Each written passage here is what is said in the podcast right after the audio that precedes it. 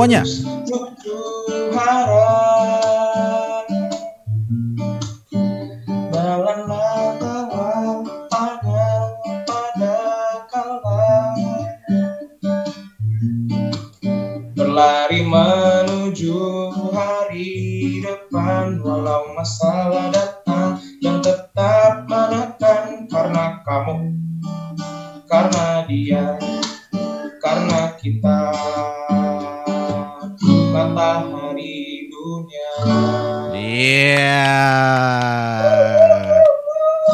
Ya, ini sebuah pembuka yang membedakan episode ini tuh udah episode ke-6 ya. Ini udah episode ke-6 dan pembukanya juga berbeda gitu ya karena dinyanyikan langsung oleh narasumbernya gitu ya. Nah, teman-teman yang terkasih, ke udah setengah lima berarti waktunya untuk ngosik di hari Minggu gitu ya. Dan hari ini ada sesuatu yang apa ya eh, berbeda juga dari hari-hari sebelumnya gitu ya. Karena narasumbernya pun pasti berbeda tiap minggunya. Nah, sebelum kita masuk ke dalam obrolan kita, kita harus kenalan dulu. Mungkin banyak, oh ya, eh, kita ngasih tahu apa kita manggil nama pendengar kita atau penonton kita sobat pengampon bang gitu ya. Oh Ya, sobat pengampon. Sobat pengampon, iya. Jadi ada namanya gitu ya, nggak nggak bro, nggak sis, tapi sobat pengampon gitu. Oh, Nah, jadi kita bukan sompon, bukan sompon. Oh ya sobat sompon, pengampun, Eh, sompeng gitu ya, sobat, sobat pengampon. Oke, eh, mungkin banyak sobat pengampun juga yang udah kenal dengan abang yang satu ini karena eh, perjalanan dari rumahnya ke gereja kita itu mungkin sekitar 30 sampai 45 menit ya bang ya. Ya, sepelemparan batu lah. Iya, Tapi lempar jauh banget. mantap, oh, mantap. Tapi karena PSBB kita menghargai pemerintah, kita kita lewat online ya bang ya.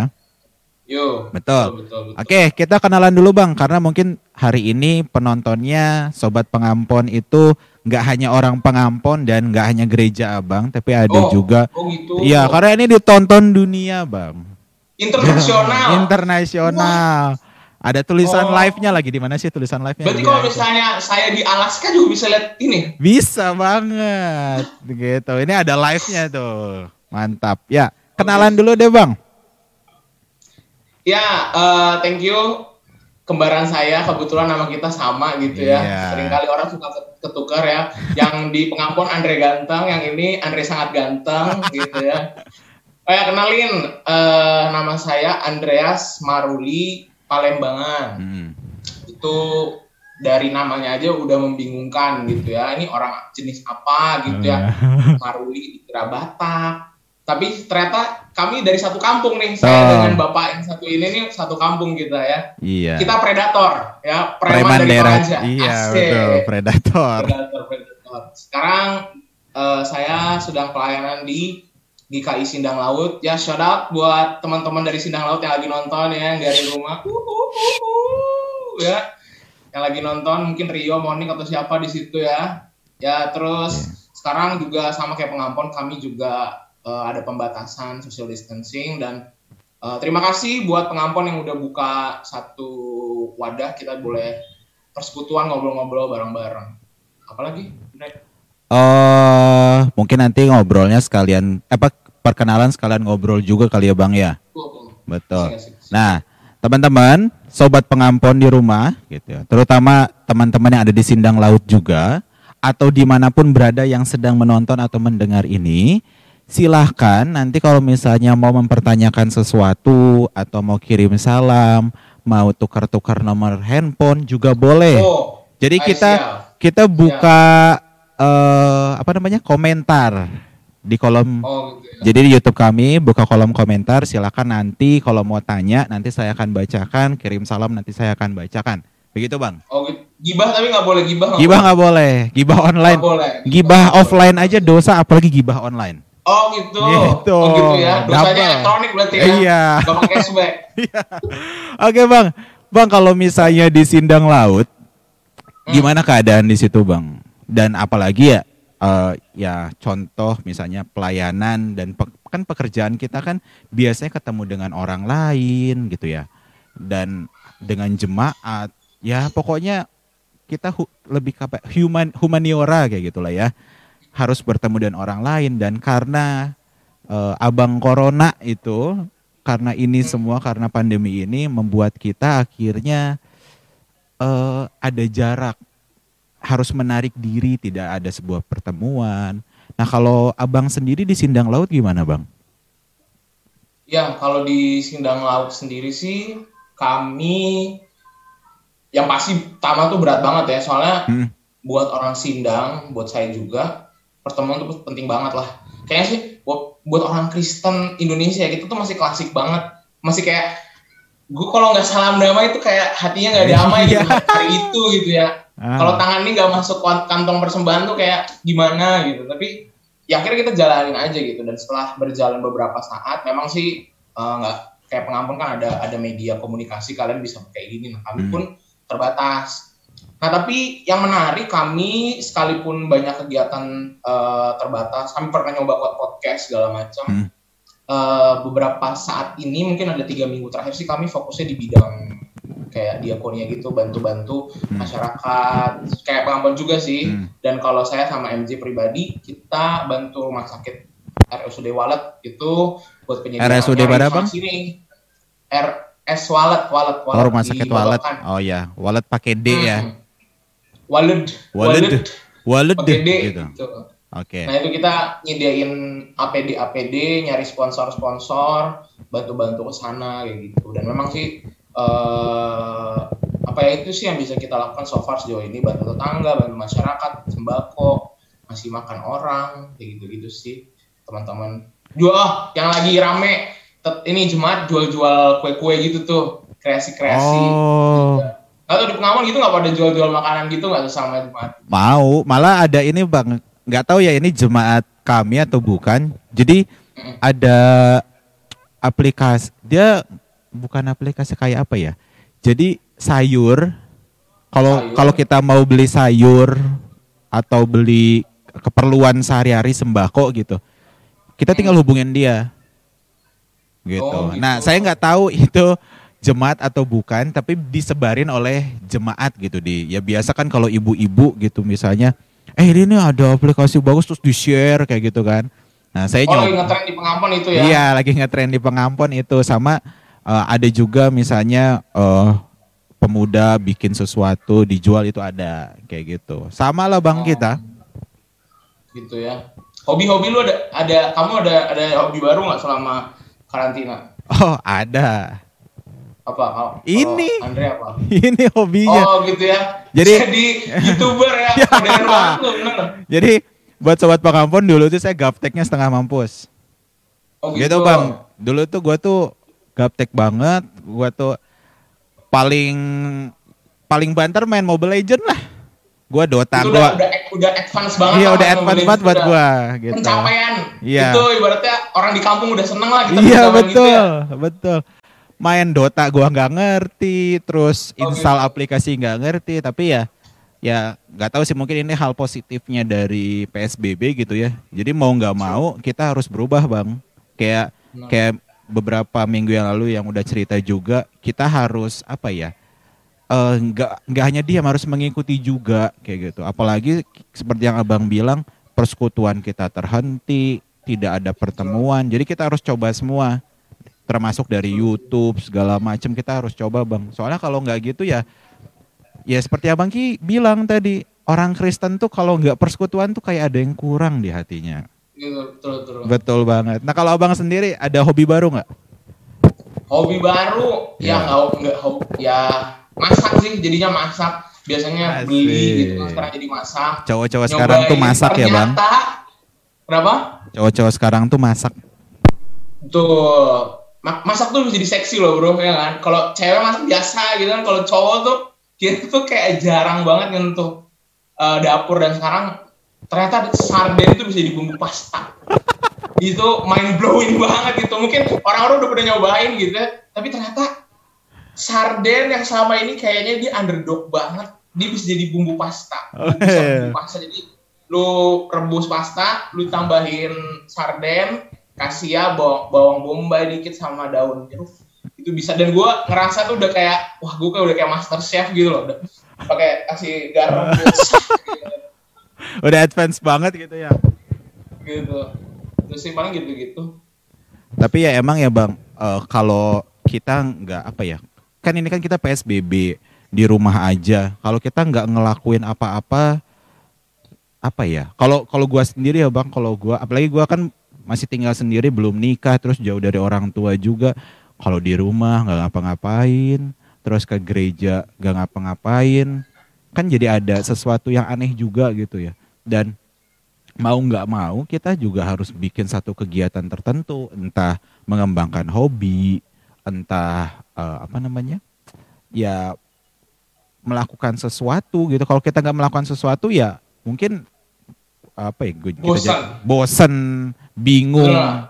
gitu Bener. nah sesuai dengan tema kita nih bang tema kita itu stay sane Eh, sane itu apa ya kayak eh, waras marah waras.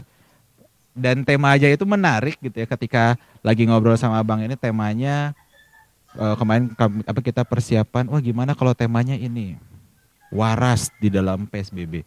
Emang menurut abang sendiri kalau misalnya kita diem aja di rumah PSBB dan sebagainya emang kita, kita bisa nggak waras ya? Nah, kalau ya kalau menurut ini dari sini sudah saya buktikan. Jadi kemarin itu sebenarnya agak melanggar sih, melanggar aturan PSBB. Tapi sebelum PSBB kemarin, saya beberapa jemaat tuh minta dilawat gitu kan. So, akhirnya saya coba ngelawat jemaat. Semua, hampir semua jemaat lah kurang lebih 90% jemaat Sindang Laut dalam waktu satu minggu. Dan ternyata tuh bisa. Pekerjaan tiga bulan gua dalam waktu satu minggu gua kebut. Sehari itu delapan rumah, delapan keluarga. Kayak gitu. Nah, setelah ketemu itu awalnya kan kita asumsi ah apa jangan-jangan eh, ada apa ya di rumah jemaat gitu ya. Hmm. mereka ngerasain gak sih? Dan ternyata emang benar itu lama-lama walaupun kita ketemu dengan orang yang sudah kita familiar itu ada pasti lama-lama kita ada ada waktu-waktu ketika kita mulai nggak nggak bisa snap bisa Hmm, bisa bisa bisa marah emosi kita nggak Hmm, stabil. Nggak terkontrol. bahkan sampai berujung di kata insane gitu ya lama-lama. Hmm. ketemu dia lagi. Biasanya nih hari ini pak jelas gitu kan ada salah satu Betul, teman betul. gua. bapak tuh nggak di rumah. Sekarang dia di rumah terus. Biasanya tuh dia cuma marahin saya kalau mau makan. Sekarang tiap kali gitu. Jadi akhirnya suruh, uh kayak gini berarti walaupun udah ibaratnya hidup berapa lama gitu ya, jadi ini baru suami istri ya. Belum kalau kita anak sama orang tua gitu ya ternyata di PS orang selama ini tinggal di rumah karantina bikin membuat dirinya jadi apa ya eh, bukan cuma jenuh hmm, tetapi bisa bisa jadi lama-lama kita ada ada yang ada yang salah nih dengan diri kita. Bicara soal mental health Hmm, kesehatan, kesehatan mental. eh, Hmm. mental gitu ya. Dan saya pikir kayaknya sih udah di dua tahun terakhir ini eh, seperti kita udah ngobrol-ngobrol bareng bahwa nih kayaknya juga perlu kita bahas nih bahwa banyak orang yang saat ini mengalami eh, yang namanya bukan gangguan jiwa loh Jadi, Hmm. orang selalu anggap mental health itu selalu Betul. kaitannya dengan gangguan jiwa dan kalau orang bilang oh kalau gue punya masalah mental health berarti gue nih jangan-jangan udah mau gila gitu Hmm. ya gila Dan- dan karena gila, itu jalan Banyak Oh. orang takut untuk ke psikiater, ke psikolog karena takut dikira gila ya bang ya. dicap dicap gila Betul. gitu ya. Padahal kalau kita nggak nggak sesegera mungkin Hmm. menyadari diri kita ini punya ya jiwa ini kayak badan sih sama aja. Betul. Badan tuh bisa sakit ya kan. Terus Hmm. kalau kita biarin makin parah. Nah jiwa juga kayak gitu Hmm. gitu. Kebet- kebetulan kita di komunitas gereja maupun juga teman-teman yang dari agama lain di komunitas eh, agamanya gitu ya. Kita pikir, oh cukup kok ketemu dengan misalnya Bapak Pendeta, Bapak Hmm. Ustadz atau siapa pun gitu. Udah tenang, mereka lah penjaga jiwa dan mental kita. Padahal mereka hanya pengarah. Ah, Pengikut ini, jemaat-jemaat kita semua ini bisa aja nggak ikut arahan atau ketika kita lagi nggak kayak gini nih, hmm. ada momen-momen yang membuat kita mungkin karena stres banget akhirnya snap tadi. Nah, yang menarik nih, Dre, eh, bicara soal mental health. Hmm. Sebenarnya ada satu psikolog namanya itu Nancy Hill. Siapa bang? Dia ada di YouTube juga sih. Nancy. Nancy Hill. Hill. Ah, Ya, itu ada di YouTube. Orang- Dia psikolog orang luar? Australia. Australia Australia. psikolog Australia dan dan dan dia kayak ngasih edukasi-edukasi tentang psikologi buat orang awam Hmm. kayak gitu. Nah dia bicara tentang waktu saat ini beberapa hari ini tentang mental health selama karantina gitu. Hmm. Kenapa sih kita harus bicara soal mental health selama karantina? Rupanya ketika kita di karantina tadi, ini keadaan jiwa kita ini bohong lah kalau kita bilang kita aman-aman, kita normal-normal aja Betul. gitu ya. Ada ada something yang terjadi. Walaupun kita baca Alkitab ya walaupun di sini pengikutnya sobat pengampun ini pengikutnya Bapak Andre ini yang satu ini gitu ya. Selalu diberikan siraman-siraman rohani bersama dengan pekerja-pekerja yang lain. Tapi tanpa disadari ada yang berubah dengan diri kita dengan keadaan Betul. kayak gini Betul bang. Nah, apa keadaan yang berubah itu bukan hanya soal bosen Dre kalau kata psikolog ini dia bilang selama karantina ini ada satu hal yang membuat kita jadi eh, stres atau ada yang masalah dengan mental health kita karena satu faktor yaitu ketidakpastian Hmm. uncertainty Hmm. ketidakpastian ya ketidakpastian itu secara definitif adalah satu kondisi ketika seseorang itu kekurangan informasi di dalam sebuah situasi Hmm. ya. Nggak nggak cuma soal covid ini. Covid ini jelas dia ketidakpastian. Kita nggak tahu sampai kapan satu Iya. ya. Ada yang tahu. Ada yang bilang yang kalau Andre tahunya sampai kapan? Ada berita-berita penelitian. September. covid ini. September. Ada yang sampai tahun depan juga ya. Iya betul. ya kan macam-macam. Nah itu kita nggak tahu nih sampai kapan gitu ya. Hmm. Ada yang bilang virus mah nggak bakal hilang gitu Iya. ya ketidakpastian satu ya. Tapi itu nggak cuma pas covid. Ketidakpastian itu sebenarnya setiap hari kita juga ngalamin. Misal ketika kita dalam pekerjaan. Hmm. ada banyak hal ketidakpastian. Saya tahun ini bakal naik naik pangkat atau enggak? Atau di tempat usaha tahun ini toko saya bakal uh, untung apa enggak? Hmm. di rumah dengan keluarga. Tahun ini uh, orang tua saya atau saudara saya aman-aman aja nggak ya sukses saya itu ada yang bikin masalah gitu ya atau bahkan dalam hal sepele misalnya gebetan wah itu udah pasti ketidakpastian Hmm. ya kan Ha- masalah hati kan kita nggak tahu Iya. doi udah ngasih tanda read message centang biru tapi hati gue nggak biru gitu kan Iya. kayak gitu ya ketidakpastian di mana-mana Betul, betul. jadi sebenarnya nggak cuma pas karantina ini soal ketidakpastian sebenarnya kondisi ketidakpastian ini everyday setiap hari kita ngalamin dan itu sebenarnya normal normal aja Hmm. itu sih jadi bicara soal ketidakpastian nah boleh lanjut lagi nih Boleh boleh boleh bang. nah berhadapan dengan ketidakpastian ini Indre Hah? tiap orang rupanya yang jadi masalah sekarang bukan masalah ketidakpastian ketidakpastian kita udah, udah sama-sama ini ya lihat ya Hmm. normal ya Normal. ada di kehidupan saya bahkan sebelum COVID-19 ini tiap orang berhadapan dengan keadaan ini kalau kata psikolog Nancy Hill ini nah setiap orang itu rupanya berbeda-beda punya toleransinya dia bilang Hmm. istilahnya tolerance of uncertainty Hmm. toleransi terhadap ketidakpastian. Ya, ada orang-orang yang toleransinya tinggi gitu ya orang-orang kayak gini nih yang pokoknya ayo kita mau makan di mana gitu ya lu pernah nggak kalau lagi ngumpul makan mau makan di mana terus ada yang nyelotok makan di sini aja terus Hmm. lagi di jalan eh nggak jadi Ya. gitu ya Ya, orang yang biasa spontan, orang yang bisa biasa spontan itu toleransi atas ketidakpastiannya tinggi banget, Hmm. gitu ya. Kalau Andre sendiri apa modelnya? Yang yang ada orang suka planning kah? Apa? Kalau saya tuh paling nggak suka planning, tapi kalau ketemu sama orang yang nggak di planning kan apa ya? Nggak ada planningnya malah saya kesel sendiri bang. Kesel gitu. Ya, ya? jadi bingung ini apa ini saya tuh?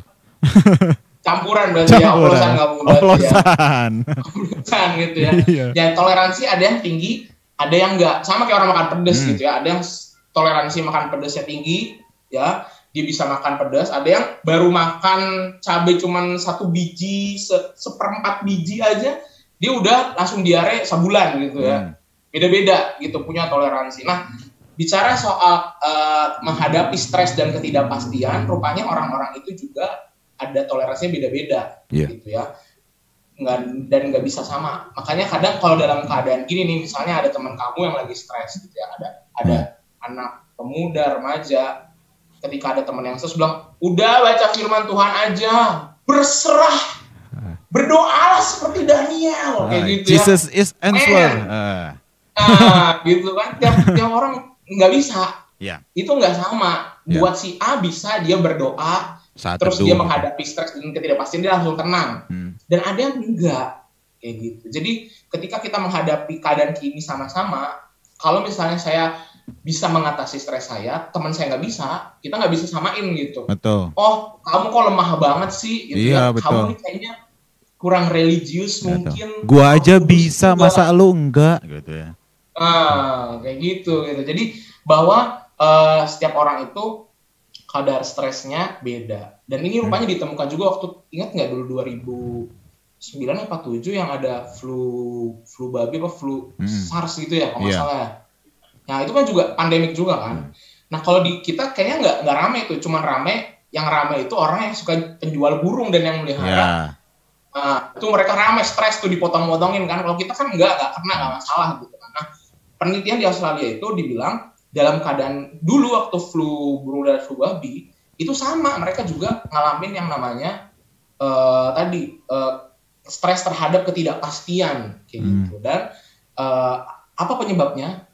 Rupanya penyebabnya salah satunya adalah baca berita soal flu tadi gitu Hmm. soal wabah tadi itu yang meningkatkan jadi Malah membuat stres "Ah, ya." saya baca ini cuma buat yang penting saya tahu gitu kan. Hmm. saya nggak nggak saya pikirin kok. Saya cuma baca aja dia bilang gitu tapi sampai ke tempat tidur. Saya nggak pikirin kok. Bangun pagi handphonenya itu dia belum melek handphone udah di tangan gitu. Nggak tahu kenapa. Saya nggak mikirin kok lagi di WC dia bawa juga gitu ya. Jadi tanpa sadar eh, kita juga eh, ngalamin gitu. Hmm. dan toleransi kita terhadap hal itu berbeda-beda. Nah, sama seperti otot, toleransi terhadap ketidakpastian ini, walaupun tiap orang beda-beda, Andre, Hmm. bersyukurnya kalau kata penelitian psikolog Mesio ini, itu seperti otot bisa dikembangin. Jadi misalnya, Oh, misalnya, ah, misalnya Andre tadi dia kuat nih dalam keadaan gini dia kuat ngadepin nggak ke mana-mana, oke gitu. Ada Hmm. yang nggak bisa. Nah, yang gampang stres bukan berarti dia bakal nggak kayak gitu terus. hmm. Itu bisa dikembangin. dilatih itu kayak gitu ya. Ah, dilatih Hmm. dengan cara membiasakan diri menerima atau membiasakan diri dengan yang namanya ketidakpastian. Iya. Oh, oke oke.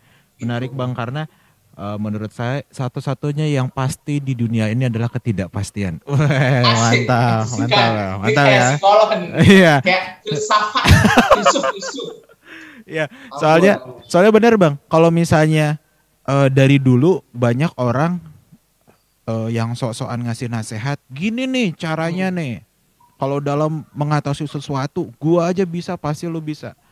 Dan Hmm. itu juga terjadi sama gua dulu ketika menyemangati orang lain. Ayo dong, gua aja bisa, masa lu nggak bisa gitu ya.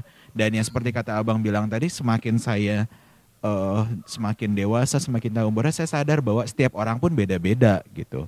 Belum tentu gua bisa, orang lain bisa, dan belum tentu juga orang lain bisa, gua bisa. Apalagi gue juga baru tahu bang tadi bahwa apa ya mental healthness kayak gitu setiap orang berbeda kayak psikologi seseorang tuh kan berbeda-beda satu dengan yang lainnya jadi memang kita nggak bisa paksakan gitu ya bang ya Betul, betul. Mm-mm. Jadi memang ya tadi kayak otot lah gitu ya. Hmm. Jadi berbeda-beda satu dengan lain. Hmm. Secara natural dia diciptakan Tuhan seperti itu Mm-mm. dan memang eh, nggak bisa dipaksain satu dengan yang lain. Tetapi Hmm. begitu ya. Tadi tetapinya orang yang punya otot mental terhadap ketidakpastian, gampang stres itu yang lemah itu rupanya bisa di training tadi ya, bisa bisa dilatih begitu, bisa dilatih dengan menerima itu juga, Mm-mm, dengan menerima dan bukan cuma menerima. Kalau menerima kayaknya gampang yang ngomongnya Iya. menerima ketidakpastian. Hmm. Aku siap Tuhan gitu ya. Tapi ketika Tapi nangis. ada masalah, ketika ketika gebetan gak jawab chat atau misalnya ketika di tempat kerja gak ada misalnya Dimarahin bos. HR mewah itu stres juga ya nggak sih nggak bohong walaupun saya terima apa pun yang Tuhan kasih dalam nama Tuhan aku terima gitu kan tapi dalam kenyataannya nggak nggak segampang itu makanya di sini diajaknya sih yuk kita sama-sama latih otot mental kita Nah, caranya gimana tuh Latih bang? otot mental kita nah caranya ada beberapa hal Hmm. kita cara melatih otot kekhawatiran ini ya Hmm. kan terhadap ketidakpastian ini kita harus coba dalam keseharian kita itu taruh beberapa eh, kegiatan atau sedikit ketidakpastian dalam keseharian kita misal misalnya Misalnya. karena soal kita planning ya, soal planning. Kita selalu kalau ngelakuin kegiatan kita setiap hari, apalagi ke udah usia kita sekarang gini ya, Hmm. udah bukan lagi anak sekolah minggu, yang kalau bangun, aduh hari ini mau ngapain, pokoknya suka-suka gua gitu. Sekarang kita nggak bisa, kita bangun udah mulai, bah hari ini mau ngapain gitu ya. Today saya mau ngelakuin apa, gimana caranya sampai sana, dan apa aja yang perlu saya usahakan. Betul. Nah, yang kita lagi planning gitu, kita perlu menaruh ketidakpastian di dalamnya. Misal ya, ketika sederhana, se- misalnya kita lagi chat sama orang nih ya, Hmm. chat sama siapa pun mau gebetan, mau lagi rapat, mau apa gitu ya. Hmm. Eh, ketika kita udah jawab, ditanya kita jawab, taruh handphonenya. Jangan pegang dan buru-buru jawab. Kalau bukan urgent ya, kalau bukan urgent, kalau bukan masalah hidup mati orang ya, Hmm. kalau misalnya lagi misalnya lagi ngobrol gitu ya jawab taruh dulu nah kenapa karena sering kali kita kalau udah megang handphone kita selalu ketika kita jawab chat sering kali kita udah ini udah ada planning di otak kita lawan bicara kita dia bakal jawab ini nih ya kan saya akan jawab ini lagi Betul. dia bakal jawab ini lagi saya akan jawab ini lagi Betul, betul. akhirnya seolah-olah kita udah tahu nih Mau ngomong masa apa? depan satu chat saya mau ngomong apa aja gitu. Hmm. akhirnya dan kenapa orang sering marah baca chat? Karena nggak sesuai. itu, ah, itu. Karena tidak sesuai dengan karena dia tidak siap dengan ketidakpastian jawaban dari orang lain. Dia nganggap dia tahu orang lain. Gue tahu nih Andri gimana. Saya tahu nih eh, saudara Bima gimana. Saya tahu nih eh, teman saya gimana. Hmm. akhirnya itu marah. Akhirnya itu yang bikin kita jadi stres ketidakpastian itu bikin kita makin pusing. Makanya kenapa banyak lagi karantina gini orang berantem di Hmm. media sosial. Media sosial satu-satunya cara kita ngobrol tapi malah jadi satu-satunya cara yang menghancurkan pertemanan dan Betul. relasi kita gitu. Itu satu. Karena itu tuh baru hal sepele masalah Hmm. balas yang kedua ini kan kita lagi ngorder makanan dari rumah nih ya.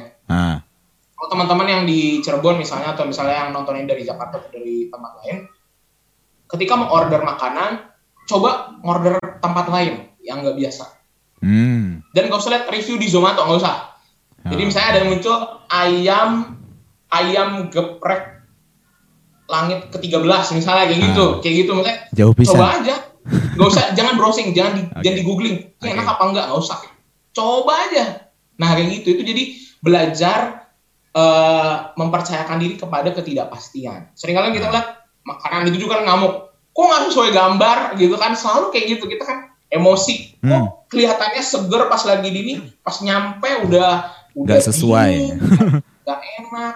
Akhirnya kita kecewa. Itu Hmm. baru makanan doang. Kita membuat hari kita rusak dengan kecewa pada makanan yang kita pesan. Itu sedih banget nggak sih? Hmm. kayak gitu. Jadi itu belajar untuk eh, melihat pada ketidakpastian dan yang ketiga yang paling sederhana yang paling penting kita lakukan adalah kita belajar mencoba mengurangi baca-baca soal berita soal covid Hmm. itu penting banget gitu ya walaupun gampang ngomongnya cuman itu kan berlalu lalang ya nggak sih di handphone kita Pasti. saya nggak mau kita nggak mau baca nih ya kita lah itu yang Kayak paling kesel gatel di gitu. Kayak gatel gitu.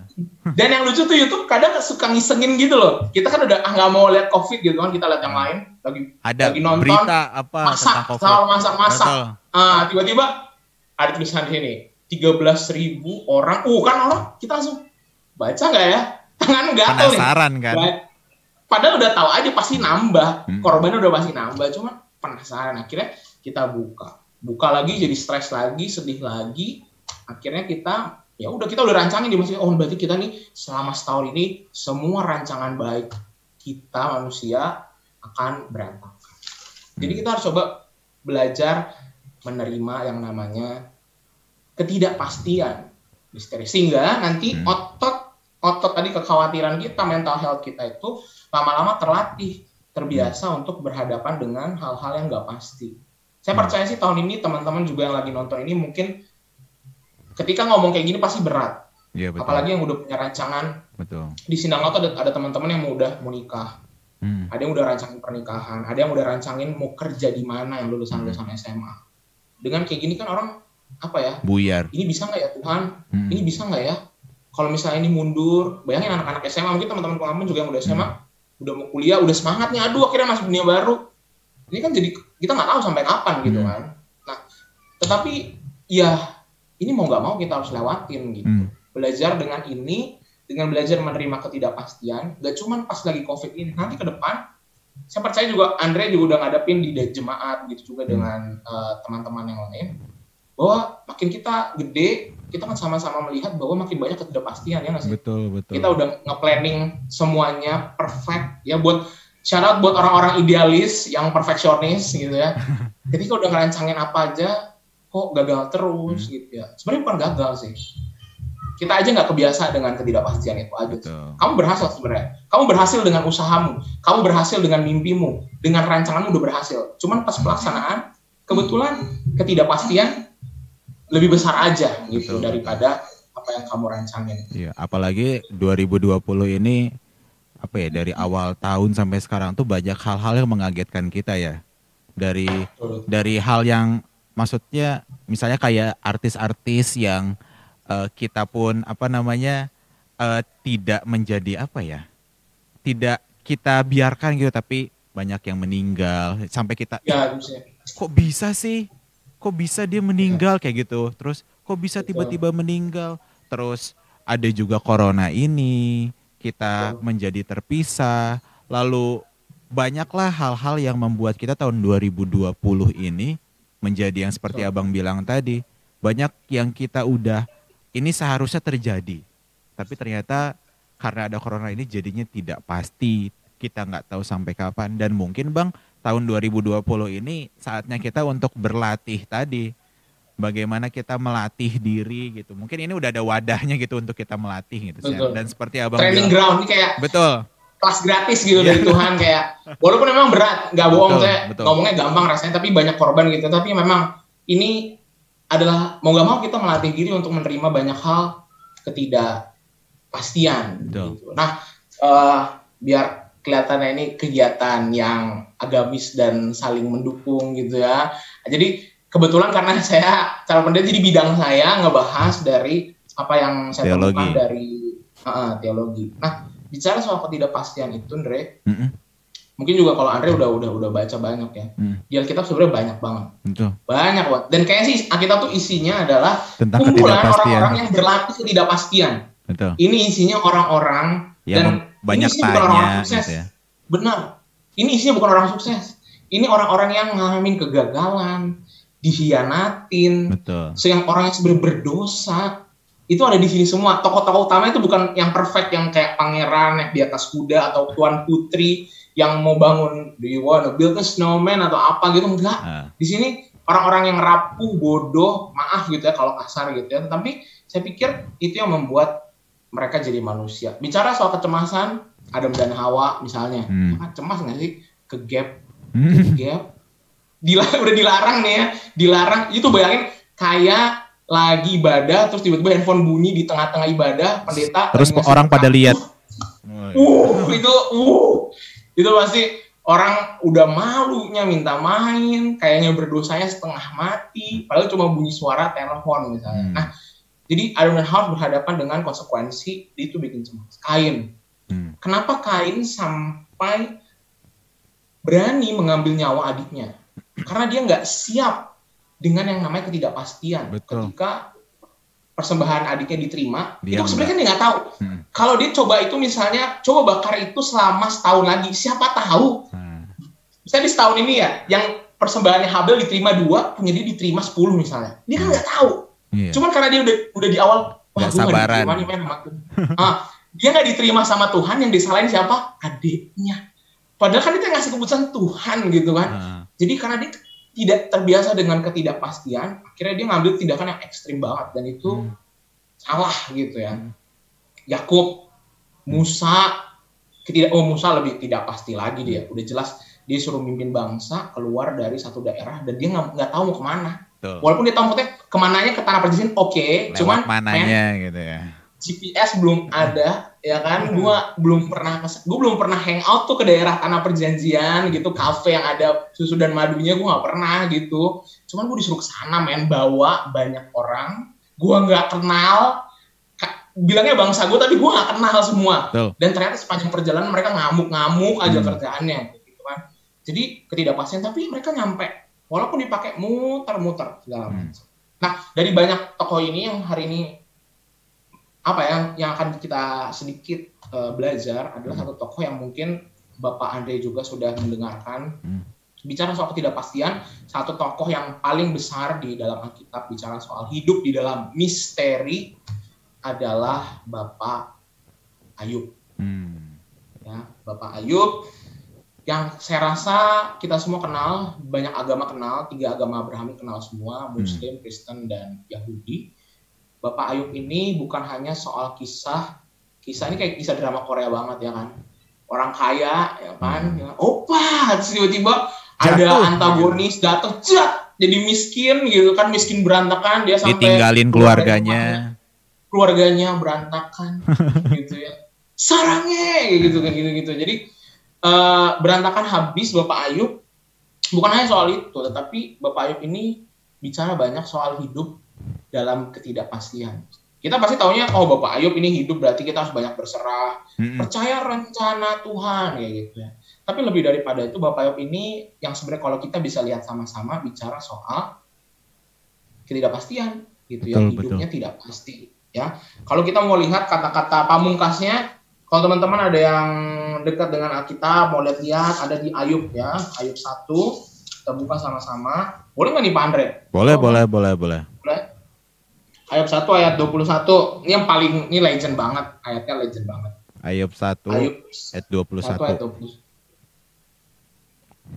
Bapak Andre mungkin boleh bantu baca Ah, boleh. Saya bacain ya. Ayub 1 ayat 21 katanya dengan telanjang aku keluar dari kandungan ibuku. Dengan telanjang juga aku akan kembali ke dalamnya. Tuhan yang memberi, Tuhan yang mengambil. Terpujilah nama Tuhan. Tuhan yang memberi Tuhan yang mengambil terpujilah nama Tuhan ini ini udah jelas pernyataan akan siap dengan ketidakpastian Betul. gitu ya bukan hanya ketika dia hanya menyerahkan diri main dia baru kehilangan semuanya ini Betul. hartanya habis-habis banget ya. Keluarganya juga. keluarganya habis plek-plek habis udah ibaratnya udah udah udah udah dia udah udah nggak ada apa-apanya lagi udah hancur berantakan dia udah nggak punya hari depan lah tapi dia melihat belajar melihat dalam kehancuran yaitu Tuhan yang memberi Tuhan yang mengambil. Jadi kata Tuhan yang memberi Tuhan yang mengambil ya. Dia percaya bahwa ada satu saatnya Tuhan akan beri ada waktunya Tuhan akan ambil. Nggak tahu jadwalnya. Hmm. ya. Walaupun kita tahu habis ini Ayub pada akhirnya di ujung cerita ini dia dikembalikan semua berkali-kali lipat bahkan. Hmm. tapi Ayub yang saat itu dia nggak tahu. Betul. dia nggak tahu. Dia akan dikembali itu dia nggak tahu gitu ya dia nggak tahu bakal ada cashback yang berkali-kali lipat gitu ya. Dia nggak tahu. Tapi dia ketika dia udah punya sikap hati pada ketidakpastian dia siap menerima oke rancangan semua punya saya habis. Hmm. semua tidak sesuai dengan ekspektasi saya nggak apa-apa. It's okay it's normal. It's okay gue harus ngorbanin semua nggak apa-apa. Itu bagian dalam hidup. Nah itu yang bikin akhirnya ketika dia misalnya tetap masih menderita ya kalaupun Tuhan gak balikin itu di akhir cerita Hmm. dia tetap bersyukur atasnya Hmm. tapi Tuhan kasih lebih daripada apa yang selama ini dia punya jadi sikap hatinya Bapak Ayub ini ketika bilang "Eh, Tuhan yang memberi Tuhan yang mengambil itu sikap hati sama dia siap otot otot mentalnya untuk terima yang namanya ketidakpastian Hmm. menerima ya bisa saat ini Tuhan akan beri oke besok Tuhan ambil it's okay besok lagi dikasih oke. Besok lagi diambil lebih banyak ya? Nggak masalah. Karena dia sudah taruh di perspektifnya saya akan berjalan dalam ketidakpastian nih hmm. gitu. It's okay. Bersama-sama dengan Tuhan. Iya berarti Bapak Ayu. berarti bukan hanya menerima saja tapi ada proses namanya berserah gitu ya bang ya. Kalau misalnya oh. kalau misalnya menerima kan kayak orang yang hopeless gitu yang ya hmm. udahlah gitu ya ya hmm. seperti yang bilang tadi iya gue terima padahal belum tentu hatinya dia bisa hmm. mengolah hatinya. Tapi kalau misalnya dari kisah ini kan di ayat 21 tadi dia nggak hanya menerima keadaannya, tapi dia juga masih bisa apa ya menyerahkan dirinya kepada Tuhan. Tuhan ini mau diambil silakan seperti abang tadi mau ada cashbacknya silakan kayak gitu karena memang ini kepunyaan Tuhan hidup kita gitu ya bang ya oke okay. bang nah sebelum dilanjutin mungkin uh, bagi teman-teman sobat pengampon yang ingin bertanya gitu ya, mumpung masih ada waktu ketemu sama duo Andre gitu ya, boleh boleh tanya, boleh juga kirim salam, kon, kon apa tukar-tukar kontak HP boleh sekali gitu ya. Saya boleh bacain dulu bang beberapa komentar dari sobat pengampon. Sikat sikat. Ya mungkin mungkin ada yang abang kenal juga. Ini dari Esther Suharto. Wah, Soeharto. Ini uh, dari abang atau sobat pengampun ya, Esther Soeharto? Mungkin bukan bukan saya belum mungkin mungkin yang pasti bukan jemaat sidang laut. Oh. Mungkin dari teman Jakarta mungkin. Oke. Okay. Salam buat Esther Soeharto katanya mantap nah, gitu. Lalu ada Christian Valerio, halo gitu ya. Terus ada Grace Diana. Semangat dan sehat selalu. Terima kasih, semangat dan sehat selalu juga. Lalu ada ada orang Korea, Kim Joser. Kim Joser. itu jemaat itu jemaat jemaat saya. Oh, halo jemaatnya Bang Andre. Joakim, Joakim, Joakim, yo, halo Joakim. Kim Joser ngasih jempol tiga. Lalu oh, gitu. ada Woro Indias. Itu itu pendeta kebayaran baru itu tampil oh, gua. Oh. Pak pendeta, Salam buat ibu, ibu, ibu, Oh, ibu, pendeta. maafkan saya. Ibu pendeta Woro Indias, good job penata okay. Andreas. Lalu ada Krisela kasih jempol. Oke, buat sobat pengampon yang lain, bagi yang mau tanya, kirim salam, silahkan. Kita masih ada waktu sekitar 20 menit. Dan kita kembali Bang ke tentang Ayub tadi. Nah, ayat ini tuh biasanya dipakai untuk kedukaan. Oh. Ya, betul banget dan ketika kedukaan itu pun sebenarnya kita kan namanya untuk apa ya kalau penghiburan kan untuk menghibur gitu ya hmm. karena mereka merasakan sesuatu yang ketidakpastian itu akhirnya dia mereka rasakan misalnya kayak ada orang sedang berduka aduh ini harusnya tidak seperti ini seperti itu kan dan hmm. menurut saya ini tepat sekali abang pakai untuk bercerita hari ini tentang ketidakpastian itu hmm. Nah, uh, kembali lagi ke mungkin kembali lagi ke apa ke tema kita, Bang. Ketika tadi kita harus melatih diri kita gitu ya. Nah, saya rasa memulainya tuh sulit. Memulai oh. untuk kayak misalnya tadi untuk nggak megang HP, nggak lihat berita, hmm. apalagi yang kita tahu media di sorry to say media di Indonesia dengan media di luar negeri mungkin berbeda karena saya pernah baca kalau media di Indonesia uh, yang penting ada ratingnya, jadi Betul. spicy, ya dipedesin pedas, gitu. Sedangkan sedangkan kalau misalnya kayak kalau abang pernah baca itu waktu pas tsunami di Jepang itu tuh hmm. medianya nggak terlalu nggak terlalu meliput bahkan nggak meliput yang sedih-sedih tapi menceritakan kisah-kisah super apa ya superhero lagi heroik gitu. Kisah-kisah yang apa yang membuat orang lain semangat gitu. Dan itu mungkin bisa melatih. Tetapi kalau misalnya media di Indonesia sorry to say misalnya tentang kesedihan yang pokoknya yang yang orang tuh pasti ingin tertarik gitu. Dan banyak juga ketika mendengar berita-berita media-media itu akhirnya down sendiri kayak gitu. Nah, menurut Abang, hal pertama gitu untuk mencoba melatih gitu, kayak tips and trick untuk mencoba melatih uh, mental healthness kita tuh dengan cara apa dan karena saya tahu untuk mencoba seperti tiga hal tadi yang abang apa uh, kasih tahu itu susah. Nah tips and trick untuk mencoba itu semua gimana bang? Ya, uh, sebenarnya nanti rekan-rekan akan lebih banyak melatih ini nanti setelah atau seiring berjalan setelah COVID ini udah lewat hmm. bulan Agustus atau Juli itu ya. Hmm. ketika semua mungkin sudah lebih tenang dan kita udah punya planning. Sekarang kan ini planning kita lagi habis semua kan. Hmm. planning apa pun lah. Mau kerja usaha eh, studi ini lagi nggak ada planning. Jadi sebenarnya kita sedang udah ini udah di Medan udah udah sedang latihan ini sebenarnya dengan keadaan di rumah udah ngapa-ngapain nyari hobi baru. Itu sebenarnya salah satu caranya. Cuman ketika uh, nanti teman-teman kalau memang tetap uh, mau belajar untuk melatih uh, mental health untuk belajar membiasakan diri pada ketidakpastian salah satu caranya itu tadi.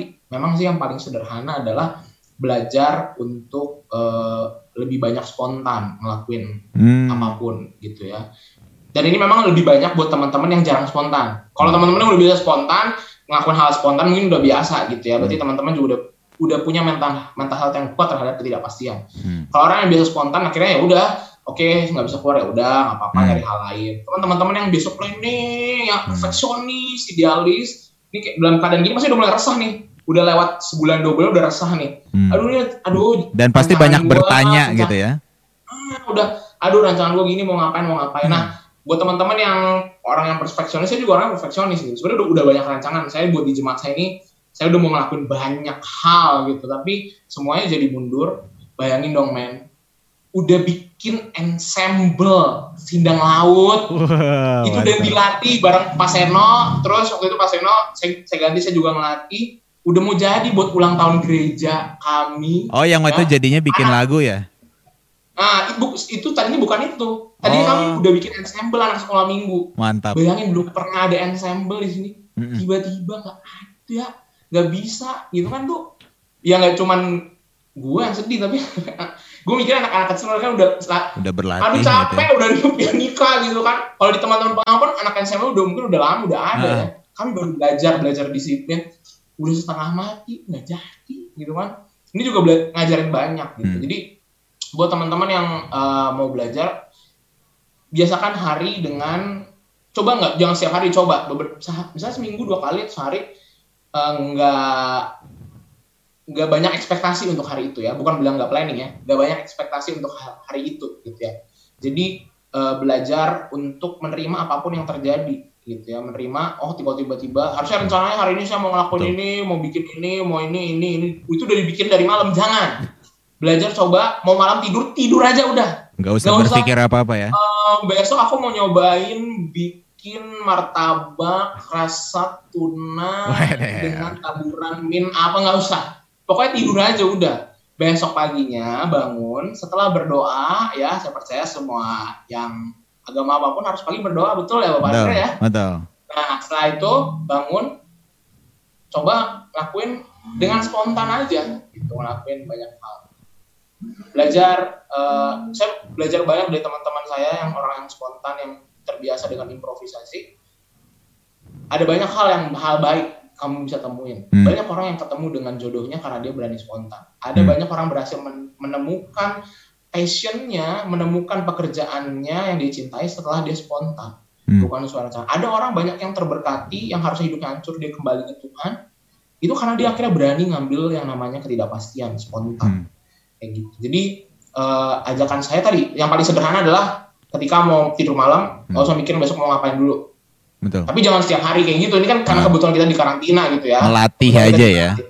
Melatih aja latihan dulu. Karena nanti untuk hal-hal sepele kita latih, nanti kita akan ambil hal-hal besar ketika kita berhadapan dengan hal-hal yang lebih besar misalnya hmm. gagal nikah, hmm. gagal dalam usaha. Hmm. Itu kalau orang yang nggak biasa dengan motivasinya dia hancur berantakan betul, depresi. Betul, betul. Mati, mati bukan mati badan, mati jiwa karena betul. ototnya ditarik pecah karena ototnya nggak kebiasa hmm. otot mentalnya nggak terbiasa pecah habis kayak gitu sehingga uh, dibiasakan dari sekarang kita coba hal-hal sederhana kayak tadi yang baca coba ngorder apa hal-hal yang nggak pernah dilakuin khusus orang yang jarang ya yang hmm. latihan hmm. spontan itu sih yang orang-orang yang kaku yang perfeksionis hmm.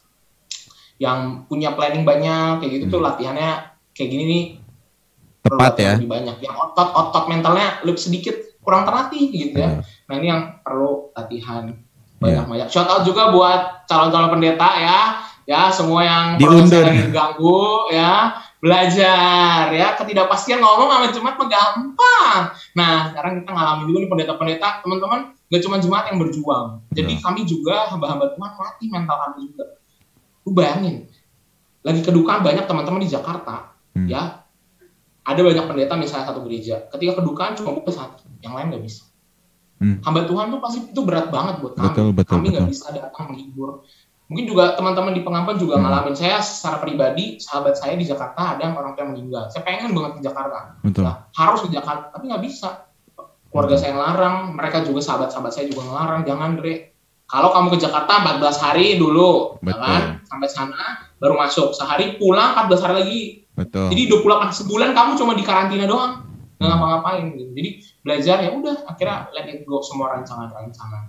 Jadi ya ya kita semua ng- ngadepin lah nggak cuman jemaat kita semua kita semua semua manusia dari agama mana pun akan belajar dengan ketidakpastian. Dan Cara mungkin ini menjawab pertanyaan Pak Andre.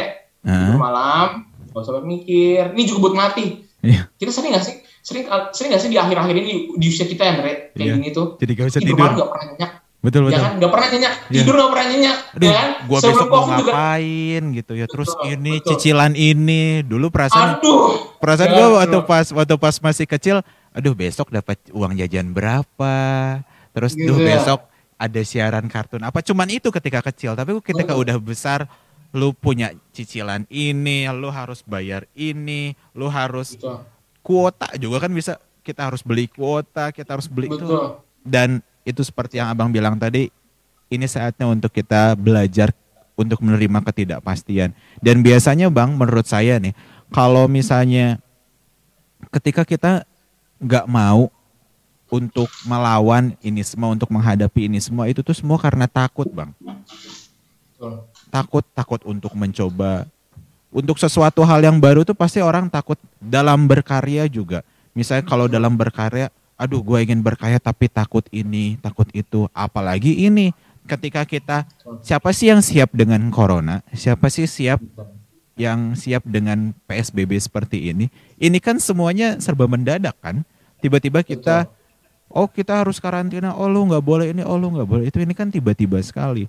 Dan rasa takut itu mungkin menurut saya yang membuat kita enggan untuk mencoba itu bang. Dan tepat sekali kita juga harus apa ya, mencoba untuk sesuatu yang spontan gitu ya. Mencoba untuk yang seperti abang bilang tadi, gua tuh tipikal orang ya bang ya kalau misalnya tidur malam tuh susah tidur tuh karena gua mikir, duh besok gua harus nugas ini ini ini ini gitu ya. Terus gua kesel sendiri kalau misalnya udah besok ternyata jadwal gua nggak gua kerjain, padahal kan salah gua ya. Nah, nah, mungkin ini akan akan gue coba juga bang. Soalnya tidur nggak mikirin apa-apa itu mencobanya mungkin baru ya bagi gue ya dan itu memang harus dicoba. Dan mungkin saya akan bacakan komentar-komentar siapa tahu ada pertanyaannya bang ya. sikat sikat Oke, tadi itu sampai Oke. Christian Pratama. Bapak, Mas atau siapa ya saya bilangnya ya? Ini Christian Pratama. Mas, Mas. Mas, mas Mas remaja Christian. Mas Christian Pratama, halo, kasih jempol tiga. Lalu ada Agnes Aprilia, semangat bang dan jaga kesehatan. Oke, terima kasih Agnes. Eh ini udah ibu-ibu atau mbak-mbak ya? sama cuman Oh, remaja remaja banyak oke. remaja yang datang berarti Oke bagus, terima kasih. bagus. Jangan lupa subscribe, like dan komen. YouTube. Yo, subscribe nih. Bapak ini perlu subscribe ya. Kita berdoa untuk silver play button. Amin. Nanti di sini ada ada silver. play Nanti button. anak ya remaja sindang dapat traktiran. Amin. Amin. Oke, selanjutnya ada Puspa Naomi. Pesan ditarik. Oh, oh salah komen berarti mungkin nanti ya. Lalu ada Semiati Semiati, selamat Bang kasih jempol. Lalu ada Ketua itu, Bu Sumiati. Oh, Bu, Ibu Penatua. Lalu ada Kim Joser lagi. Halo juga duo Penatua Andreas.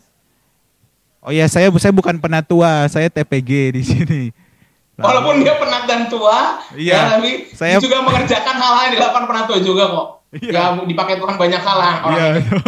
Kasih tepuk tangan dulu dong. Ya, tepuk tangan tangan. dulu dong Pak Andre. Oh, oke. Lalu ada David Martinez. Nah, ini David Martinez ini remaja saya. Akhirnya ada juga orang pengampon. Salam sehat untuk duo Kak Andre gitu ya. Nah, ini David Martinez Bang ya sedikit sharing ini tuh eh, akan saya genjot untuk jadi ketua remaja. Ah. Amin. Semangat David ya. Martinez, Semangat ya. ya David. Siap-siap masuk. Belajar melihat ketidakpastian. Iya, betul. Menjadi Belajar lah. ketua remaja gitu ya. Belajar melihat ketidakpastian. Lalu ada Adi Tribuana, nah ini pemuda, kok Adi. Lalu ada Puspa Naomi lagi, terus ada Montus, Pak, saya bacanya Bapak atau ya Bapak Montus, Montus, mantap Pak Andre, mungkin ini jemaatnya. Nah ini sekalian Bang Andre juga belajar untuk mengenal jemaatnya gitu ya. Lalu ada Christina Novita, semangat, happy Sunday all gitu ya. Oh ya selamat hari Minggu, saya lupa untuk Oh, iya. ucapkan selamat hari Minggu dan Saking hari berlalunya be, hampir sama semua gitu. Ya, Sampai, padahal- "Ini hari apa ya? oh dari minggu Lalu- gitu. selamat juga mempersiapkan buka puasa atau ini udah buka puasa. Saya pokoknya selamat mempersiapkan buka Selamat puasa. teman-teman ya, semoga ibadahnya terus Iya. lancar ke depan. Lalu ada ah, Margaret Danisworo, ibu saya bilang. Nah nih, anak pemuda, pemuda Oh, sindang. Oke. Siap Do Andre, saya mah selalu menghadapi ketidakpastian. Jalani saja Asik. tetap sehat dan semangat. Contoh yang Asik baik. out buat Margaret ya, Ibu Margaret ini dia menghadapi banyak ketidakpastian. Oke. Banyak lah, saya pikir juga banyak remaja-remaja juga ngadapin tapi tetap semangat. Oke. Semangat. Latih, latih. Terus oke nih David juga balas lagi. Wah, terima kasih sarannya, Kak. Nah. Nah, Bang Andre. Yap. Nah, ini mungkin kita udah masuk sesi-sesi terakhir gitu ya. Eh ada nggak saran untuk Bang Bang Andre di di kala kita saat ini? Oke, kita tadi udah punya saran-saran dari Abang harus coba ini, harus mencoba memulai gitu ya.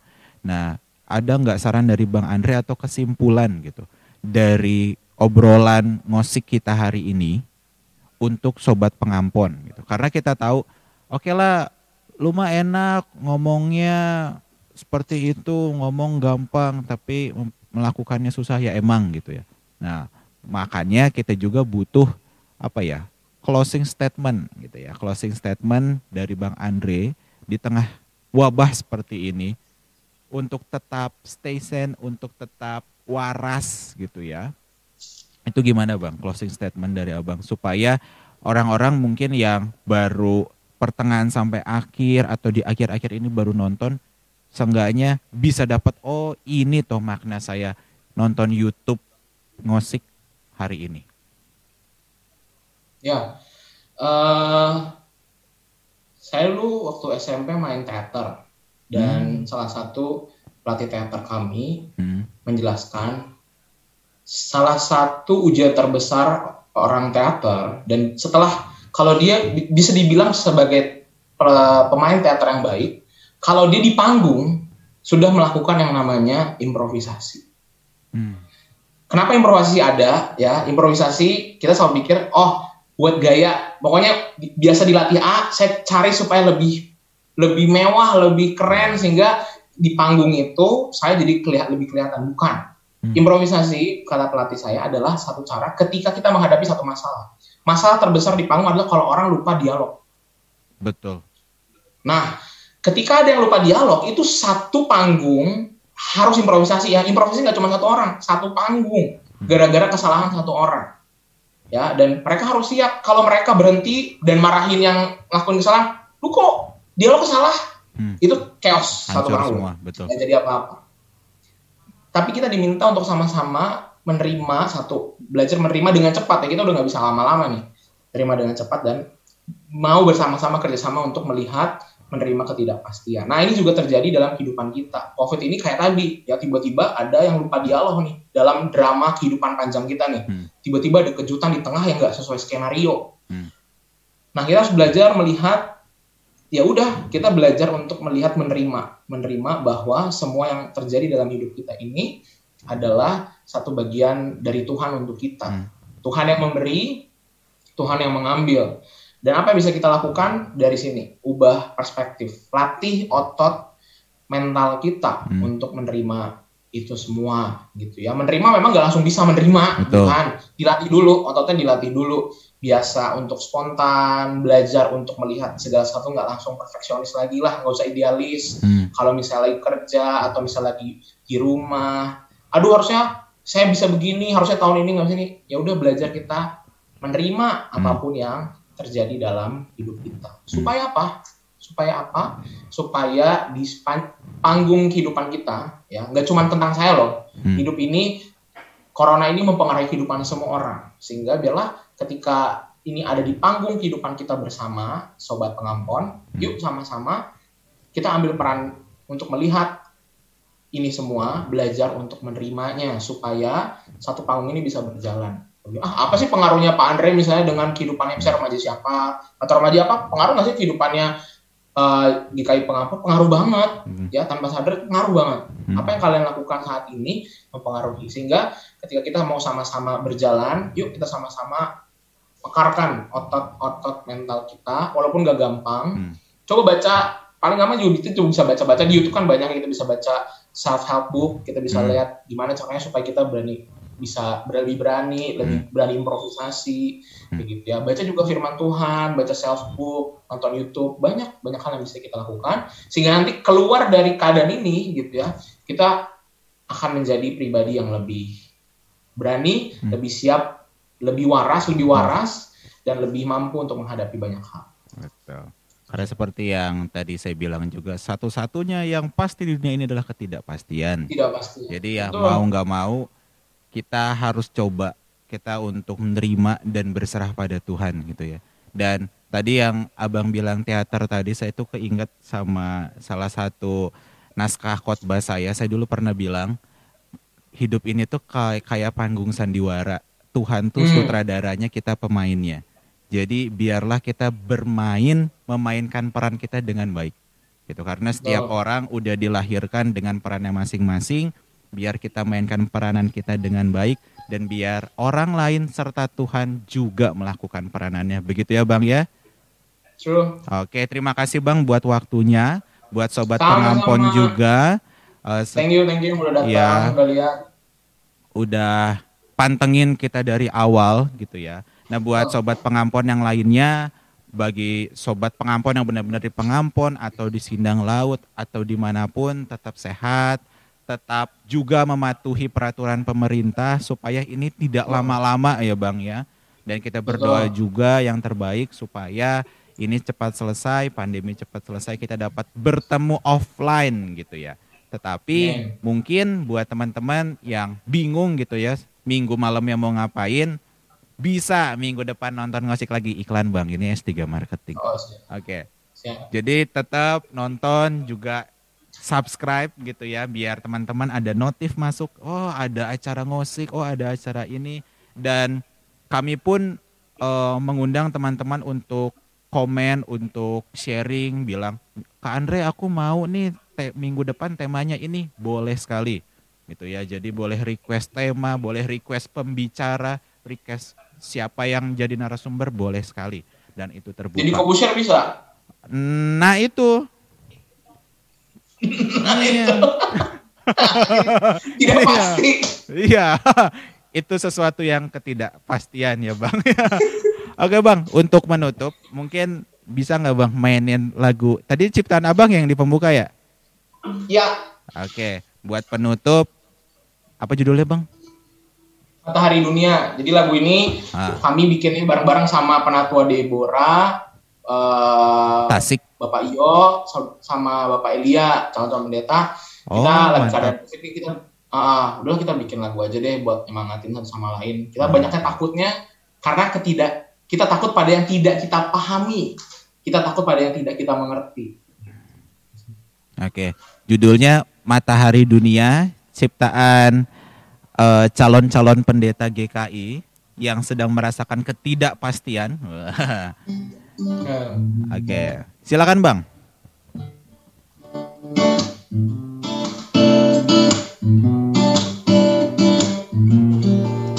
Kita takut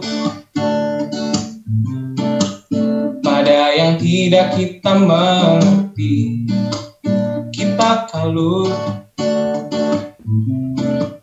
Pada yang tidak kita pahami Kekhawatiran hati Mengelabui diri Membisikkan rasa Menitipkan bunda. Namun yang ku minta berjalanlah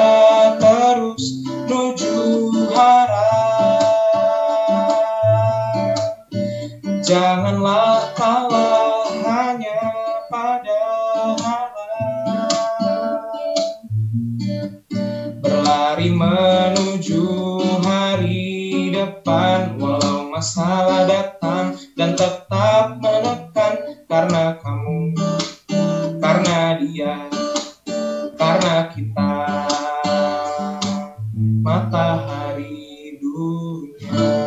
Iya, oke tepuk tangan semuanya. Oke, sampai ketemu lagi.